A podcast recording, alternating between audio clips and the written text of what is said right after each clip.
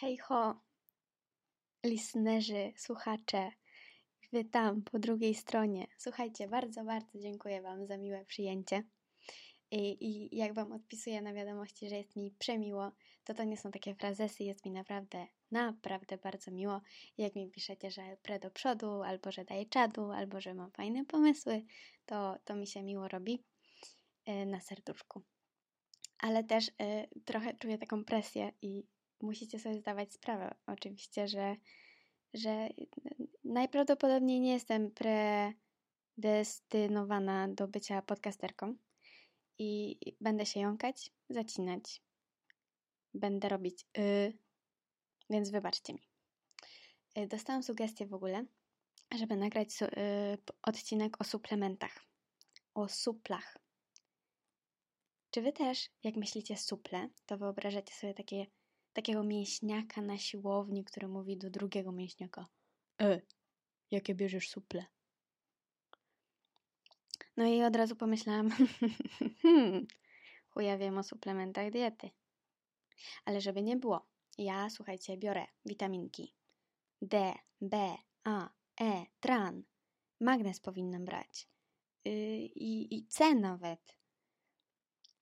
No ale to, to, to nic nie znaczy, tak? No, ale przyjęłam to wyzwanie na klatę e, i, i witam Was w odcinku o suplementach diety. Będzie trochę Wikipedia Knowledge, ale będzie też kilka ciekawych e, rozkmin, nie tylko o zdrowiu. W ogóle o zdrowiu to nie będzie za bardzo dzisiaj. Słuchajcie, suplementy diety mogłabym Wam powiedzieć, e, jak na Wikipedii i są definiowane, ale mam ciekawe, ciekawsze rzeczy do powiedzenia Wam. Otóż, jakie są formy dawkowania suplementów diety? Wyobraźmy sobie, że gramy w milionerów i mamy pytanie. I nie, nie ma żadnych kół ratunkowych, wiecie. Jak w życiu, nie ma kół ratunkowych. Nie, w życiu jest pełno kół ratunkowych. Ja to się czuję, jakbym pływała po prostu po basenie. Nie widać powierzchni, są same koła ratunkowe. Ale przechodząc, mamy różne formy dawkowania. I musicie wybrać swoje ulubione. Ja na przykład już wybrałam, za chwilę Wam powiem. A to są kapsułki, B to są tabletki, C to są drażetki, D saszetki z proszkiem, E ampułki z płynem i F butelki z kroplomierzem. Ja już wybrałam butelki z kroplomierzem. Bo czy Wy nie uważacie, że w ogóle kroplomierz to jest jednocześnie tak prosty przedmiot, o tak wyrafinowanym kształcie i genialnej yy, jakby specyfice działania. Ja jestem fanką kroplomierzy. Są szklane, takie obłe, ładne, zgrabne, powabne i skuteczne. Działają, nie psują się, mogą się tylko potłuc. No super, w ogóle. No więc wybierzcie swoje ulubione. Yy, nie będę Wam czytać tej definicji, bo, bo ja nie jestem dobra w rozumieniu definicji z Wikipedii. Opornie mi to bardzo przychodzi. Y, więc suplementów diety wystarczy, że wybierzecie swoją ulubioną formę dawkowania. Ale y, tak naprawdę to ja się trochę przygotowałam do tego y, odcinka, żeby nie było. I poczytałam o witaminkach. I na przykład mogę Wam powiedzieć, że, że są egzogenne. Egzo, czyli z zewnątrz. To znaczy, że nie możemy ich sobie sami, nasze ciałko nie może ich sobie samo wytwarzać i musimy je z pożywienia pozyskiwać lub właśnie biorąc suplementy diety. A jakbym chciała Was zagiąć, to mogłabym też nawet spytać się, co to są antywitaminy. Ha, no a widzicie, antywitaminy y, wykazują przeciwne działanie do witamin, po prostu. Tyle w temacie. A, a jakbyście chcieli zabłysnąć w towarzystwie elokwentnymi wyrazami, jeśli się znajdziecie kiedyś na jakiejś takiej dziwnej imprezie, gdzie dyskusje będą o zdrowiu, odżywianiu, to na przykład y, możecie użyć słów awitaminoza, czyli braku określonej witaminy w organizmie, albo hipowitaminoza, czyli niedobór, zaś hiperwitaminoza to nadmiar. Ale, ale mam y, ciekawą rozkminę. Otóż słuchajcie, historia zaczęła się tak, że czytam sobie o tych witaminach i okazało się, że pierwsza odkryta witamina, czyli B1, została wydzielona przez polskiego biochemika Kazimierza Funka w 1913 roku.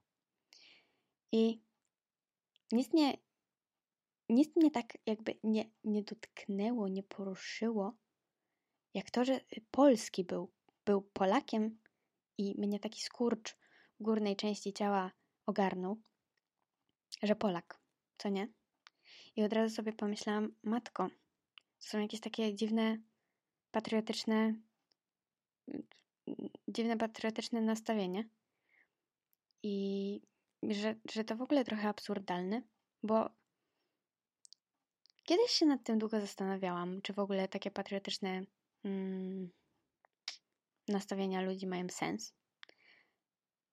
I że to takie dziwne, że konkretny grunt na globusie jakby jest y, bliższy naszemu sercu niż inne, tylko dlatego, że tutaj przyszło nam się wychowywać i przyzwyczajać do żyćka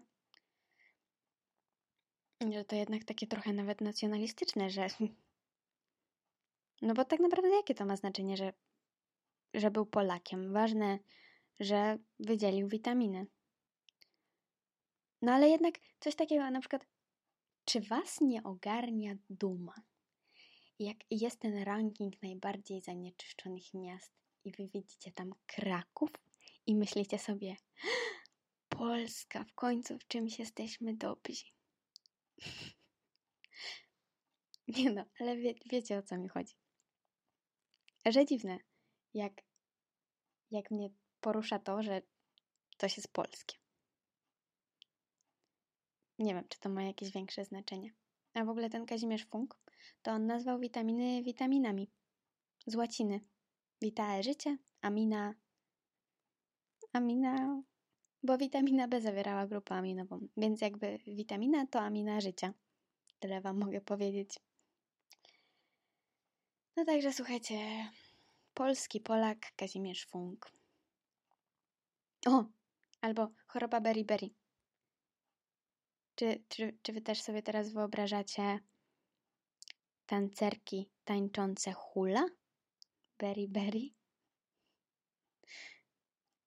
Nie, to chyba Bora Bora. Tak mi się kojarzy. E, no i choroba beriberi spowodowana jest niedoborem witaminy B. I marynarze japońscy pod koniec XIX wieku są teraz wikipediowym przykładem na to, dlaczego nie powinniśmy jeść białego ryżu. Otóż oni na statkach jedli tylko biały ryż i ryby i chorowali właśnie na beriberi. 30% z nich. I tak sobie pomyślałam, że to by było straszne, gdybyśmy my, gdybyśmy my, tak dosłownie my, byli przykładem kiedyś w Wikipedii, w Wikipedii, że byliśmy przyczyną czegoś okropnego, spowodowaliśmy jakieś okropne rzeczy. I, I chyba bym wolała być w ogóle nie wspominana w Wikipedii i zapomniana na wieki. No, na przykład tacy marynarze, no na pewno mieli swoje pasje, tak? Rodziny, marzenia. A teraz co? Wiemy tylko, że chorowali na beriberi. Bywa i tak. Przynajmniej ich, ich doświadczenia na pewno nieprzyjemne poskutkowały jakimś postępem naukowym. Dobra, powiedziałam Wam, co to jest antywitamina. I jeszcze w ogóle pierwsza rozkmina, która przyszła mi do głowy, jak e, usłyszałam witaminy i że mogłabym coś powiedzieć ciekawego, jeśli cokolwiek można powiedzieć ciekawego o witaminach, to to, że A, B, C, D. Czy to nie jest dla Was intrygujące? Dlaczego tak skomplikowane rzeczy, których wzory chemiczne są po prostu jakieś niepojęte, nazywamy po prostu alfabetem? No i próbowałam się dowiedzieć, dlaczego tak jest.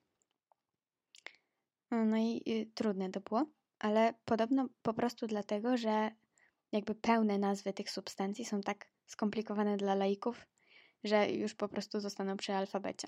Bo na początku wiedziano o nich tak mało, że nazwano je po prostu alfabetem, a potem przy tym zostaną. Pozostaną. W ogóle kwestia nazewnictwa jest ciekawa, bo my przyjmujemy za pewnik, na przykład, że nazywamy się imionami, co nie? A jakbyśmy się nazywali liczbami i na przykład nazywałabym się 400 281 i nikt nie miałby takiej samej nazwy jak ja. W sumie to PESEL działa tak samo, chyba. Trudno by było tylko stworzyć jakiś skrót. Matko, a czajcie mieć na przykład trójkę dzieci i każdy nazywa się sześciocyfrową liczbą i teraz zawołajcie ich wszystkich na śniadanie.